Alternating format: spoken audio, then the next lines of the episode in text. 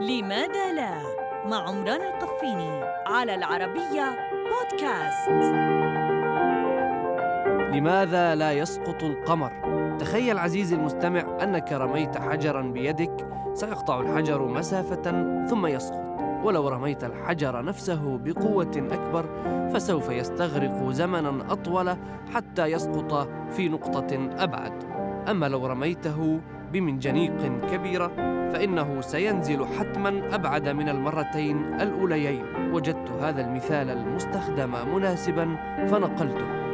القمر يندفع بسرعة كيلومتر في الثانية علما أن الطائرة الأسرع من الصوت تقطع المسافة نفسها في ثانيتين. باختصار القمر أسرع مرتين من تلك الطائرة.